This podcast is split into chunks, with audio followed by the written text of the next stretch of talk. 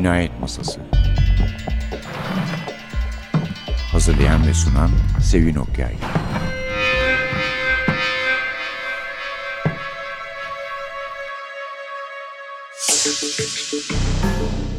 Merhaba, NTV Radyo'nun Cinayet Masası programına hoş geldiniz. Efendim bir konuğumuz var. Ama sahiden sürpriz konuk çünkü hiç önceden hani olur da gelir falan diye bile lafına etmemiştik ki bu düpedüz hainlik çünkü biliyorduk tarihine kadar. Ayşe'cim hoş geldin. hoş bulduk. Ayşe Erbulak konuğumuz. Teşekkür ederim. Ee, dokuz oda cinayetleriyle yani şekerli limonlu ve ödüllü ölümleri bir tarafa bırakmış. Her ne kadar bütün karakterleri bırakmamışsa da. Evet. Sahiden çok farklı bir kitap yazmış bu sefer. Vay bunu senin ağzından Farklı duymak sulara çok açılıyor. Hakikaten çok gurur duydum kendimle yani. Sevin Okyar bana bunu söyledi. Ahmet'le ikimiz e, Evet. arka kapak Aynen yazarlarıyız öyle. kitabın. Minnettarım her ikinize de. Hele seni canım. tanıyorum ama Ahmet Ümit hani yüz yüze hiç gelmediğim, hayran olduğum biri. Hani bir oyuncunun hani oyuncu tarafım olsa Robert De Niro benim için iki laf etse aynı oranda değerliydi. Ahmet Ümit'e burada bir daha teşekkür etmek isterim açıkçası. Ahmet yerine teşekkür kabul edelim. Kabul ettin değil mi? Sana da tabii yani O da bu programın Müthişti. sık konuklarından bir Tahmin tanesi. ediyorum. Evet. Ayşe'cim ne yapalım? Önce kitaptan mı söz edelim? Hadi Nasıl kitaptan istersen söz edelim. kitaptan söz edelim. Peki şimdi bu aslında senden çok da fazla beklediğimiz türde bir kitap değil yani tamam ötekiler de cinayet romanıydı. evet. Vardı yani onlarda da hani çirkin suçlar diyeceğim Evet, hani e, adam kaçırma şudur Evet, evet. falan filan gibi. Ama onlar daha biraz daha bir böyle şekerliydi hakikaten Efendi şekerli efendi onu diyorum daha zaten. bir Onlar böyle hani yastık bastırma, iğne batırma, Evet, zehirleme. evet, evet, evet. İşte Burada biraz bileyim, daha böyle Tabancalı ölüm bile yoktu onlarda yani Evet. yanılmıyorsam. Ateşli silahlar bile yoktu. Burada şöyle bir şey oldu. Şimdi küçüklükten beri işte Agatha Christie ile büyümüş biri olarak tabii Türkiye'nin Agatha Christie'si falan diyor. Çok gurur duyuyorum ama çok tabii daha var oraya. Çok fırınlar var büyüyünce inşallah.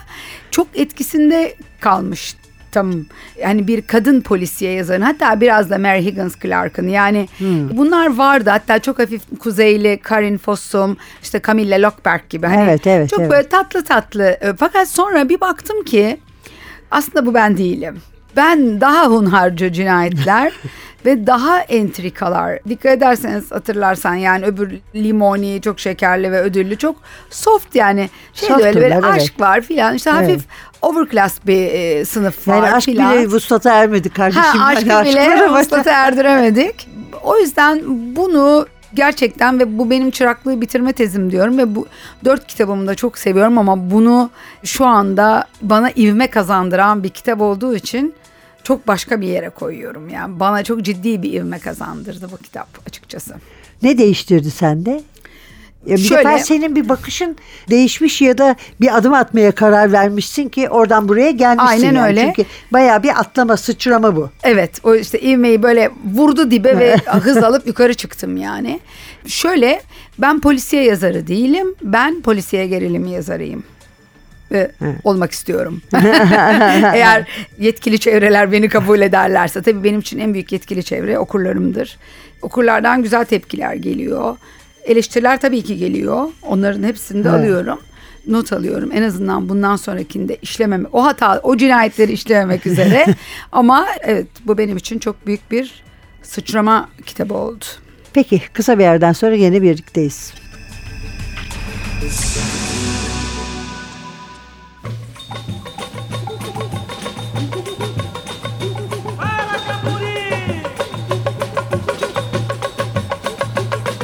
Tristeza não tem fim, felicidade sim. Para!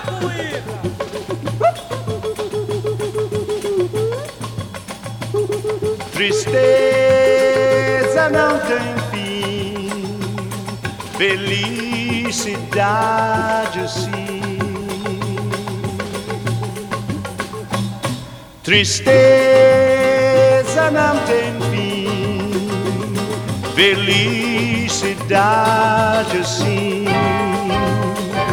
A felicidade como a pluma que o vento vai levando pelo ar.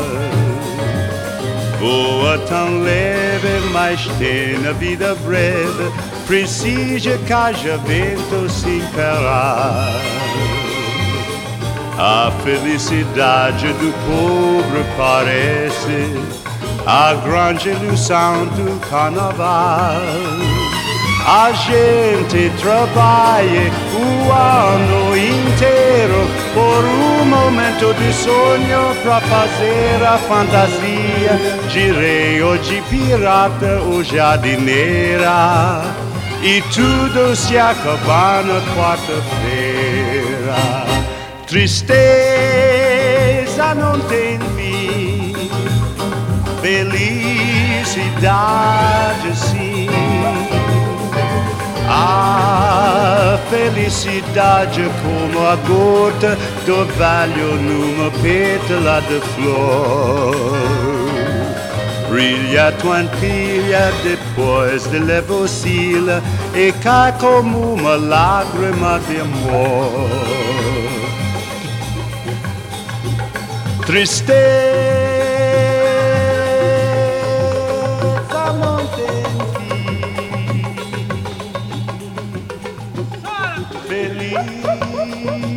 Felicidade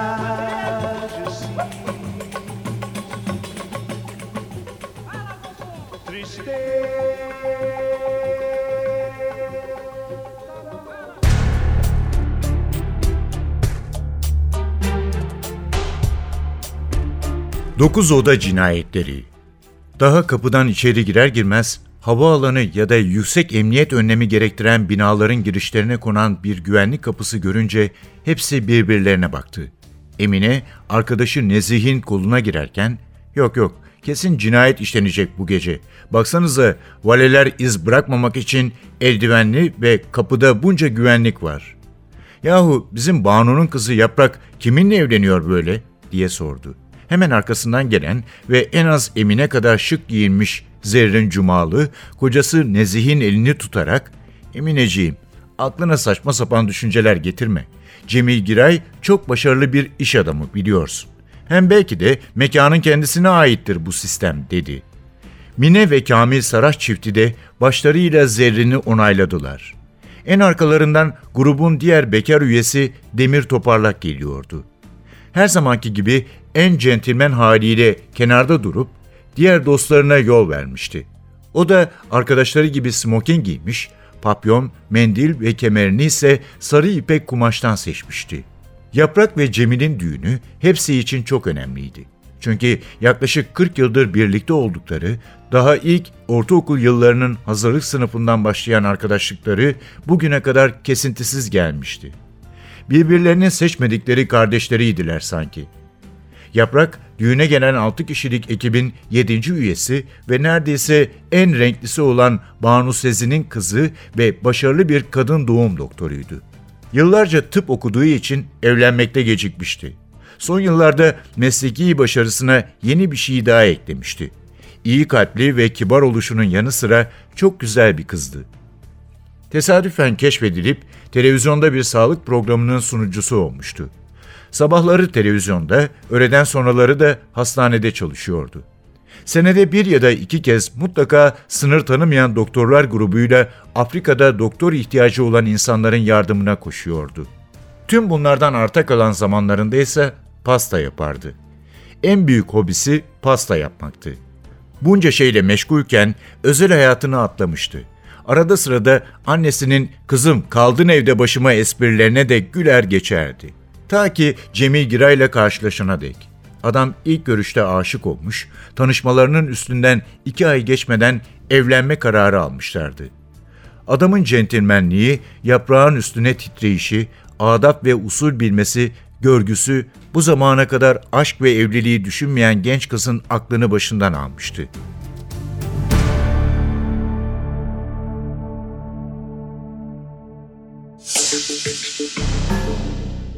Efendim Ayşe Erbulak konuğumuz cinayet masasındayız. 9 oda cinayetleri.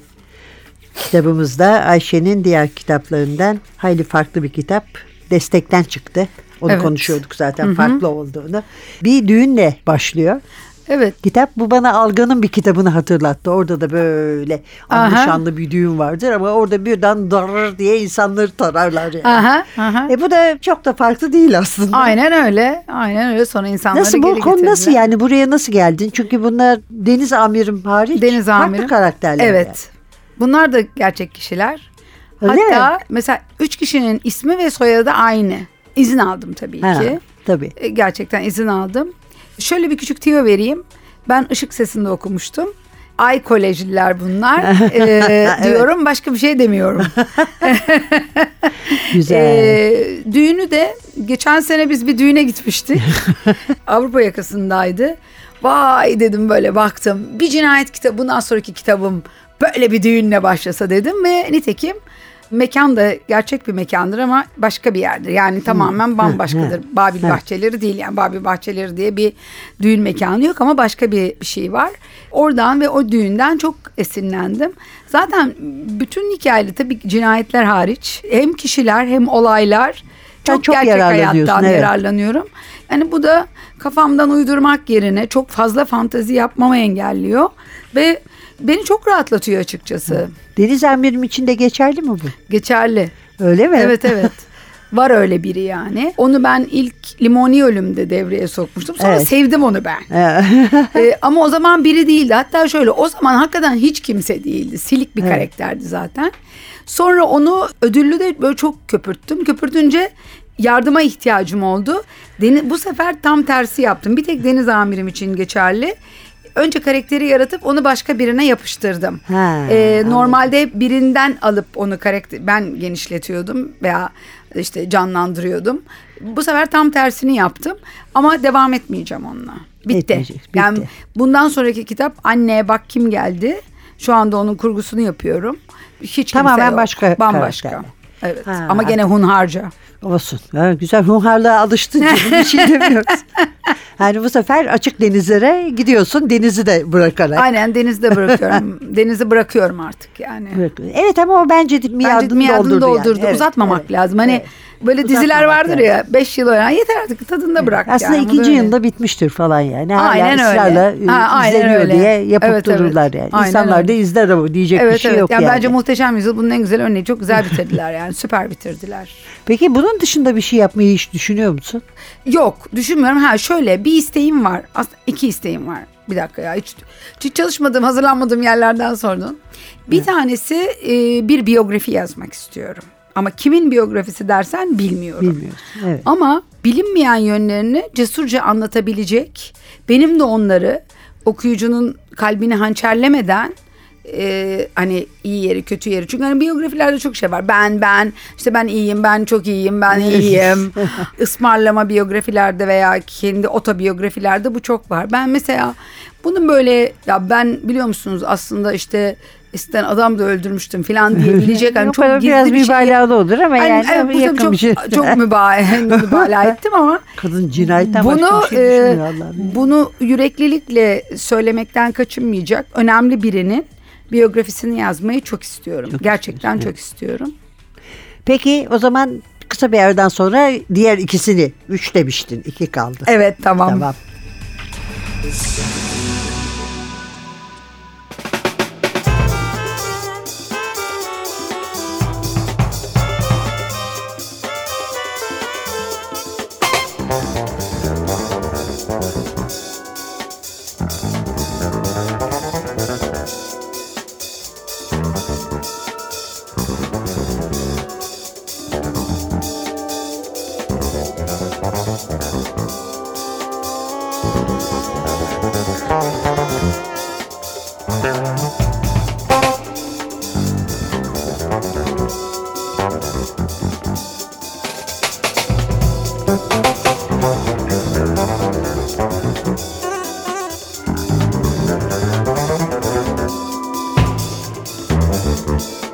Thank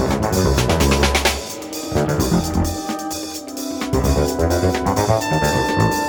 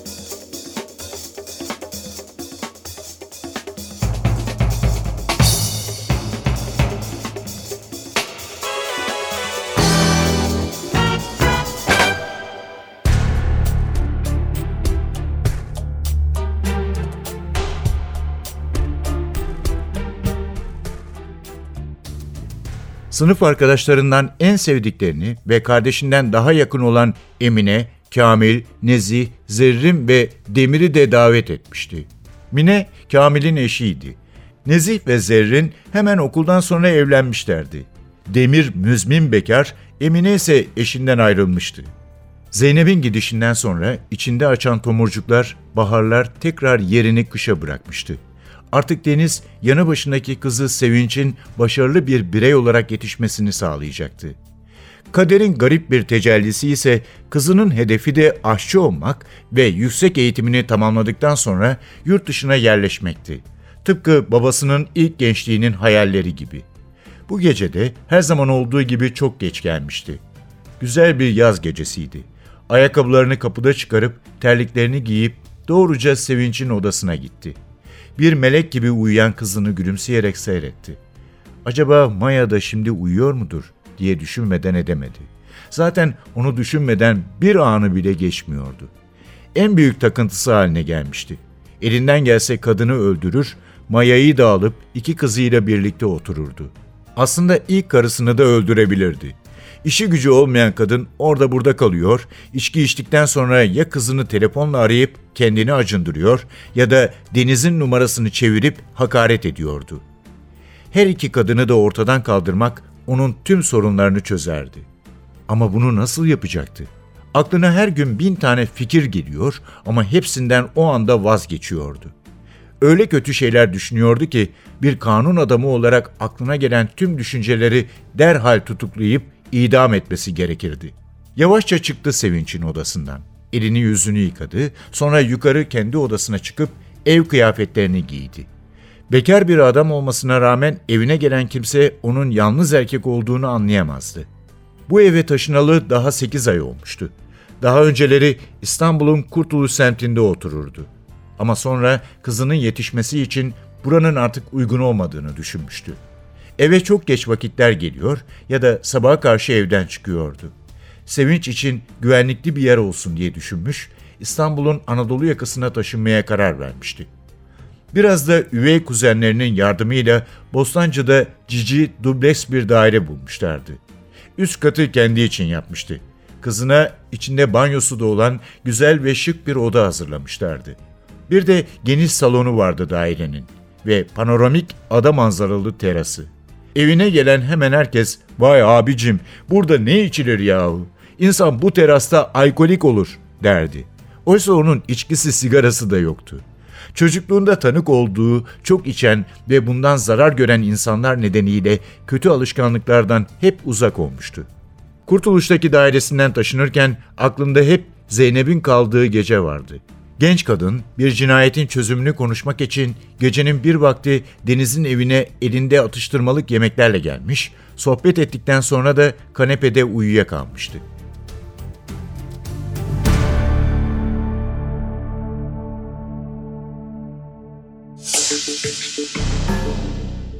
Evet Ayşer Bulak konuğumuz. Lafını balla kesmiştik az önce. evet bir tanesi biyografi yazmak her şeyiyle yani. Bir de bir kanser Yerine- hastasının anılarını tutmuştum. Sonu kötüyle biten. Onu yazmak istiyorum. Fakat aradan 6 yıl geçmiş olmasına rağmen geri dönüp onları okuyacak yürekliliği kendimde bulamadım. Ha. Bir gün refakatçi adı kitap olursa iyi olur olamazsa da bilgisayarımın hard diskinde Durur. duracak orada yaşayacak. Yani bu iki şey var ama gerçekten biliyorum ama ben polisiye gerilim romanı yazarı olmak istiyorum büyüyünce. Ya fena değil, fena gitmiyorsun. Çabuk Süper. büyüyorsun. Ay, senin ağzından duymak gerçekten çok güzel. iyi. Süper. Çok mutlu Ve oldum. peki kendin sözüne ettiğine göre hani ben tiyatrodayım diye tiyatro ya tabii Evet. ki en çok sevdiğin şey devam ediyorsun. Çok küçük Ediyorum. babanla başladın kaç yaşında küçük? Yani, ilk, defa sah- ilk sahneye sahneye küçük yani. sahnede bir yaşında bastım Oy, yani. Allah Allah hani ya. küçük sahnede işte Dormen Tiyatrosu devam etti. Hani o zamanın büyük ustalarıyla onların kucaklarında oturabilmiş olmak, onları kulisten seyredebiliyor olmak veya Dormen Tiyatrosu'nun galeri katından böyle fare sessizliğinde bakabilmek çok büyük bir şansmış meğerse. Çok büyük bir bugün şans, tabii evet. anlıyorum. Yani bugün Sana birçok- halbuki normali buymuş gibi geliyor. Aynen öyle. yani bir Ayfer Feray, işte bir Hüseyin Kutman, Erol Günaydın. Yani işte Erol Günaydın daha günümüze ge- gelebildi ama bir Ayfer Feray gelemedi. Yani bence Türk tiyatrosunun çok önemli tiyatrocularından biridir. Nisa Serezli belki bugün 20 yaşında birine sorsak tanımaz. Babamın tanıdıklarını da artık zannetmiyorum çok ama hani Sanki Altan abi daha fazla tanıyorlar. Belki biz hani Sevinç'in tiyatrocu olması bir Erbulak soyadını tuttu Belki e, yani sahnede. falan da var? Daha'nın olması işte benim olmam filan böyle bir daha bir getirdi yani. Bir de tabii babamın karikatür mesleği de getirdi. Çünkü Tabii, suya yazı tabii, yazmıyor tabii. neticede e, Tabii. kağıda bir şey çizdi yani. E, Karikatürcüler Derneği filan da onu kollayıp koruyunca daha geldi günümüze ama Dormen Tiyatrosu'nda olup çok da kendine mahsus bir çizgisi vardır. Çok, çok. Kendi Zaten gibi ben- gülen çizgisi vardır Aynen yani. öyle. Benim de zaten vücudumda var onlar ne yazık. Dinleyicilerimiz göremiyor ama en azından bir palyaçosu kolumda dövme olarak var. Bir de benim 14 yaşındaki halim bacağımda duruyor. Tiyatroda oynuyorum. Tiyatroya çok küçük yaşta başladım. Çok amatör olarak. en amatör olarak. Sonra Ankara Devlet Konservatuarı ve İstanbul Belediye Konservatuarlarına gittim ama bitirmedim. Tiyatrocu olmaya karar verdim. Fakat Ankara'dan sonra- ayrılıp İstanbul'a gelmişsin onu da bitirmemişsin. Aynen öyle. Eren'in 35 röportajında aynen öyle. diyor, 35 değil. yaşında tekrar tiyatro yapacağım dedim. Ve çok büyük bir major gazetede çok iyi bir konum ve çok iyi bir maaşı bırakıp İstanbul Belediyesi şehir tiyatrolarında arkadan Anladım. geçen 8. kız Neydi efendim oyun neydi? Fermanlı Deli Hazretleri. Fermanlı Deli Hazretleri'nde arkadan geçen 8. kız Evet. olmak için maaşını ve yerini bırakmış ki bence bu fevkalade bir şey yani. Aynen öyle. Sonra orada da yapamadım. yapamadım yani. Palyaço Prens diye de bir çocuk oyununda oynadım. Orada baş o başroldü. Ve çok çok önemli bir kadronun başrolüydü. Mesela hem Orhan Alkaya vardı, figürandı yani. Onu da söyleyeyim. Özlem Savaş, Cem Davran falan böyle bayağı Volkan Severcan bayağı küçük rollerdeydi. Cem Davran da prens oynuyordu ama benim çok güzeldi rolüm. Erhan Yazıcıoğlu koymuştu. Sonra tekrar yok yok bu tiyatro olmuyor ya dedim. Çünkü bir çocuk okutuyordum. Özel okulda İngilizce öğrenmesini istediğim için. Tekrar şey yaptım filan. Yani böyle bir tiyatro hayatımdan çıkmadı. Ama en önemlisi Norveç'te yaptım tabii. 11 yıl kesintisiz. Norveççe yaptım. Şimdi Duru Tiyatro'da oynuyorum. Çok önemli bir Türk tiyatrosunun klasik kadın rollerinden biri. Oktay Arayıcı'nın Ramazan Bey'in, Seferi Ramazan Bey'in Nafile Dünyası'nda insaf karakterini oynuyorum.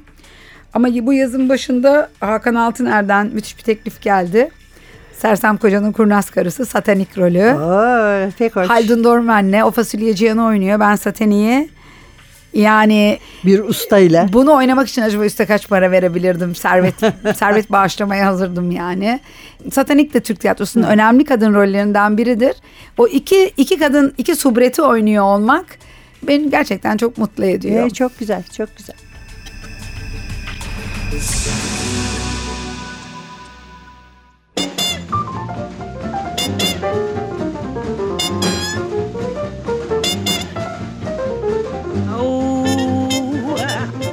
What little moonlight can do. Oh, what little moonlight can do to you. You're in love, your heart's a fluttering all day long. You're only started cause you're poor time. Just been out of the words, I love you.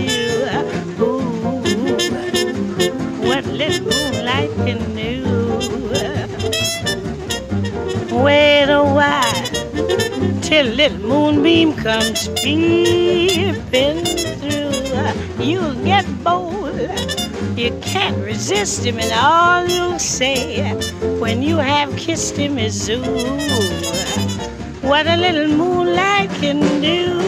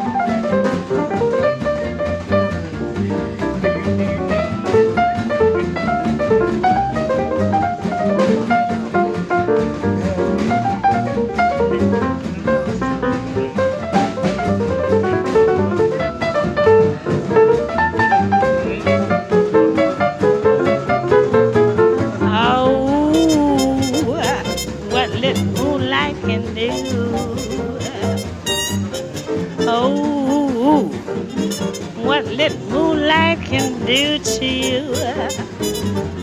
You're in love, your heart's flooding all day long. You only stutter cause your poor tongue just will not utter the words I love you. Ooh, what little moonlight can do.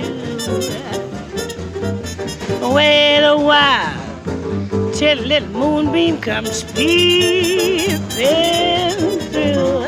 You'll get bold. You can't resist him, and all you'll say when you have kissed him is ooh. what a little moonlight can do.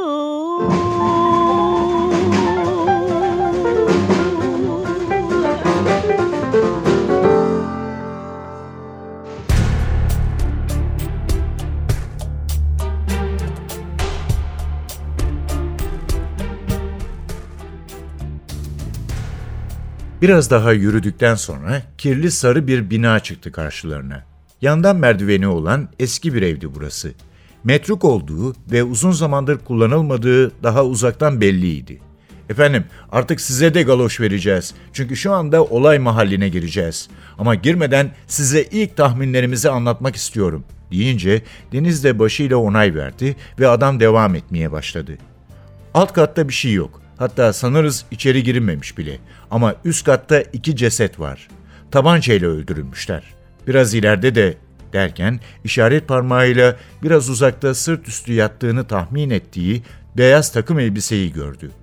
Cüneyt'in bahsettiği beyaz smokinli damat bu herhalde diye geçirdiği içinden. Biraz ileride de yatan kostümlü adamın kayıp damat olduğunu düşünüyoruz. Daha kimlik tespiti yaptırtmadık ama çekilen fotoğraflardan o olduğuna neredeyse eminiz. Lakin adam diğer iki kişinin katili. Çünkü elinde barut izi var ve hemen merdivenlerin yanında silah var. Ama ne olduysa olmuş, tahmini damat merdivenlerin en üstünden aşağıya düşmüş ve vücudunda oldukça çok kırık olmuş. Ama o sırada ölmemiş. Sürünerek şimdi yattığı yere kadar gitmiş. Sonra da daha fazla dayanamamış ve ruhunu teslim etmiş. Tabi bu anlattıklarım tahmini. Kesin sonuçlar otopsiden sonra dedi. Adam anlatırken Deniz gözleriyle damadın aşağıya düşüşünü, sürünüşünü ve ölüşünü hayal etti. Herhalde adamlardan biri hemen ölmedi ve katilini yukarıdan aşağıya itti, dedi Deniz. Beyaz tulumlu adam, hayır efendim, daha otopsi yapılmadı ama her iki adamın hemen öldüğüne iki maaşıma bahse girerim. Damadın ölümüne yukarıdan düşüşü değil, göğsüne saplanan sivri bir şey neden olmuş deyince daha Deniz cevap veremeden Cüneyt belki de adamlardan biri Cemile sivri bir şeyle saldırdı. O da can havliyle her iki adamı da öldürdü. Kaçmaya çalışırken yukarıdan düştü. Sürünerek kurtulmak isterken de gücü yetmedi dedi. Diğerleri bu olasılık için birbirlerine bakıp mümkün dercesine başlarını salladılar.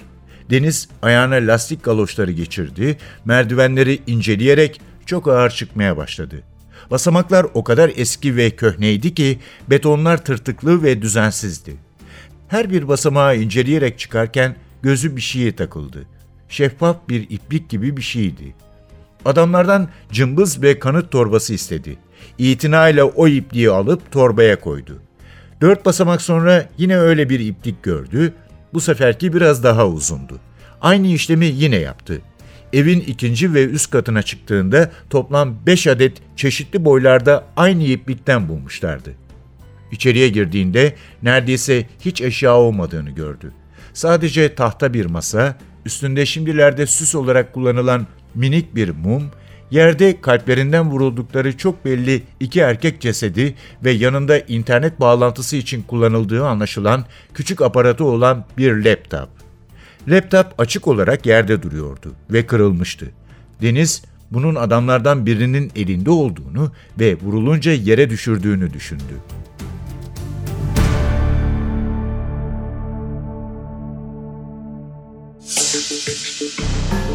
Evet son bölümdeyiz. Kuş gibi uçup gidiyor malum. Ayşe de öyle düşünüyor. Geçen sefer aha bitti mi diye çok şaşırmıştı çünkü. Hakikaten ya. E çok uzun da değil zaten. Ama çok güzel ya. Tadında. ben de öyle severim. Ama seni tiyatrocu olarak, oyuncu olarak, tiyatrocu olarak tanıyorlar. Yani burada bazı arkadaşlarımız sen tiyatrocu diye söz etti ederken. Şimdi şöyle beni insanlar Türk televizyon popüler kültürün içinde çok ekranlarda olan biri olmadığım için ismim daha çok tanınıyor cismimden. Mesela bir yerde adımı söyleyince aa Ayşe Hanım tanımadık sizi makassızsınız herhalde filan diyorlar. E ben zaten makyaj yapmam Yapmam, diyorum. böylesin, evet. Yani ancak sahne hatta oyun bittiği an silerim yani veya televizyon programından çıktığım an silerim. Güzel tabii hem tiyatrocu hem yazar olarak tanınmak. Hani hangisiyle tanınmak istiyorsun dersen günün birinde sadece tiyatro yani sadece yazı yazmak istiyorum. Sadece büyüyünce yazar olacağım diyorum ya sadece ama yani böyle bestseller olmak istiyorum. Yani en çok satanlarda tamam Ahmet Ümit birinci olsun ama ben de beşinci olayım yani. Anladın mı? Hani o kadar da hırsım yok ama azmim var yani. Azmi. E, güzel güzel. Azmin elinden hiçbir şey kurtulmaz. Evet seviyorum yani şu anda mesela işte Mart düşünüyoruz. Anneye bak kim geldiği. Şu anda çalışıyorum üstünde E, ufak ne kadar ufak. güzel. Hiç ara vermiyorsun. Güzel çalışıyorsun. Evet dikkatimi Ama çekiyor her yani. işte devamlılık çok önemlidir. Çok yani önemlidir, evet. bir tane çok şekerli yazmış Evet. olsaydım bugün bitmişti aradan iki sene geçti Evet, çünkü. Tabii. Güzel Sen yani iki devamlılık senede dört önemli. tane, üç kitap daha yazdın yani. Bu çok güzel. Tam 2012'de ilki çıktı, 2014'te dördüncü çıktı. Biraz hızlı oldu aslında 10 ay ideal bence. Evet, değil mi? Hani ama muhteşem satar biraz daha beklersin Ha, yani ama tabii, bence evet. Mart ayı güzel bundan sonra. Mart güzel evet. 2015 Tabii, tabii. Mart'ı. Güzel. Bir yıl bile değil işte. Evet ama işte 10 ay. Gayet iyi. Gayet iyi. Peki şu sıralarda polisiye yazar da çok var. Yani yeni yazarlar çıktı. Aslında bunların Evet. hepsi yeni çıkmış yazarlar değil. Mesela Supi Varum zaten yazıyormuş. Bizim haberimiz yokmuş Evet. onun yazdığında. Evet. O tesadüfen o iki Simirna kitabı Aha. bir ortada dolaşmaya başlayınca gördük. Labirente Evet. geç. Ama bazıları da yeni. Evet. Yepyeni yazarlar. Çok kadınlar da var içinde. Ama Evet. zaten polisiye bir kadın edebiyat türüdür Aynen yani öyle. daha çok. Evet. Aynen öyle. Çünkü Ne çok detay var. Çok cesaret verici değil mi? Çok cesaret verici. Ben ama şuna çok inanıyorum. Polisiye çok iyi bir kurgu gerektirir.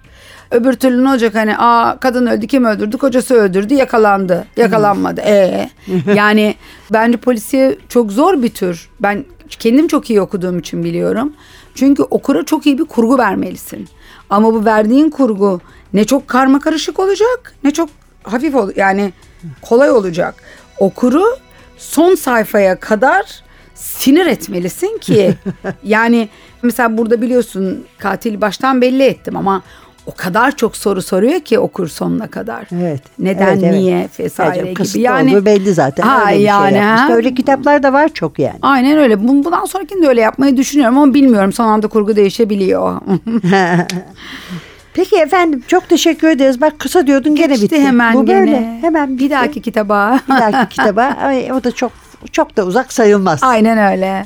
Ayşe'cim çok çok teşekkür çok ederiz teşekkür ederim geldiğin için. Sevincim, sağ olasın. İnşallah anne Bak kim geldi. bak kim geldi de de gene burada birlikte İnşallah. oluruz. İnşallah.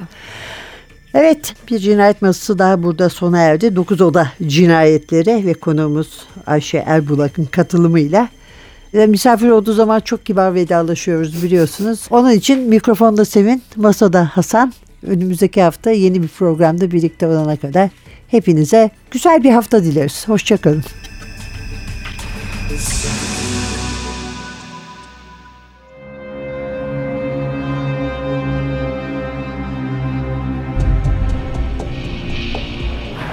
Cinayet Masası.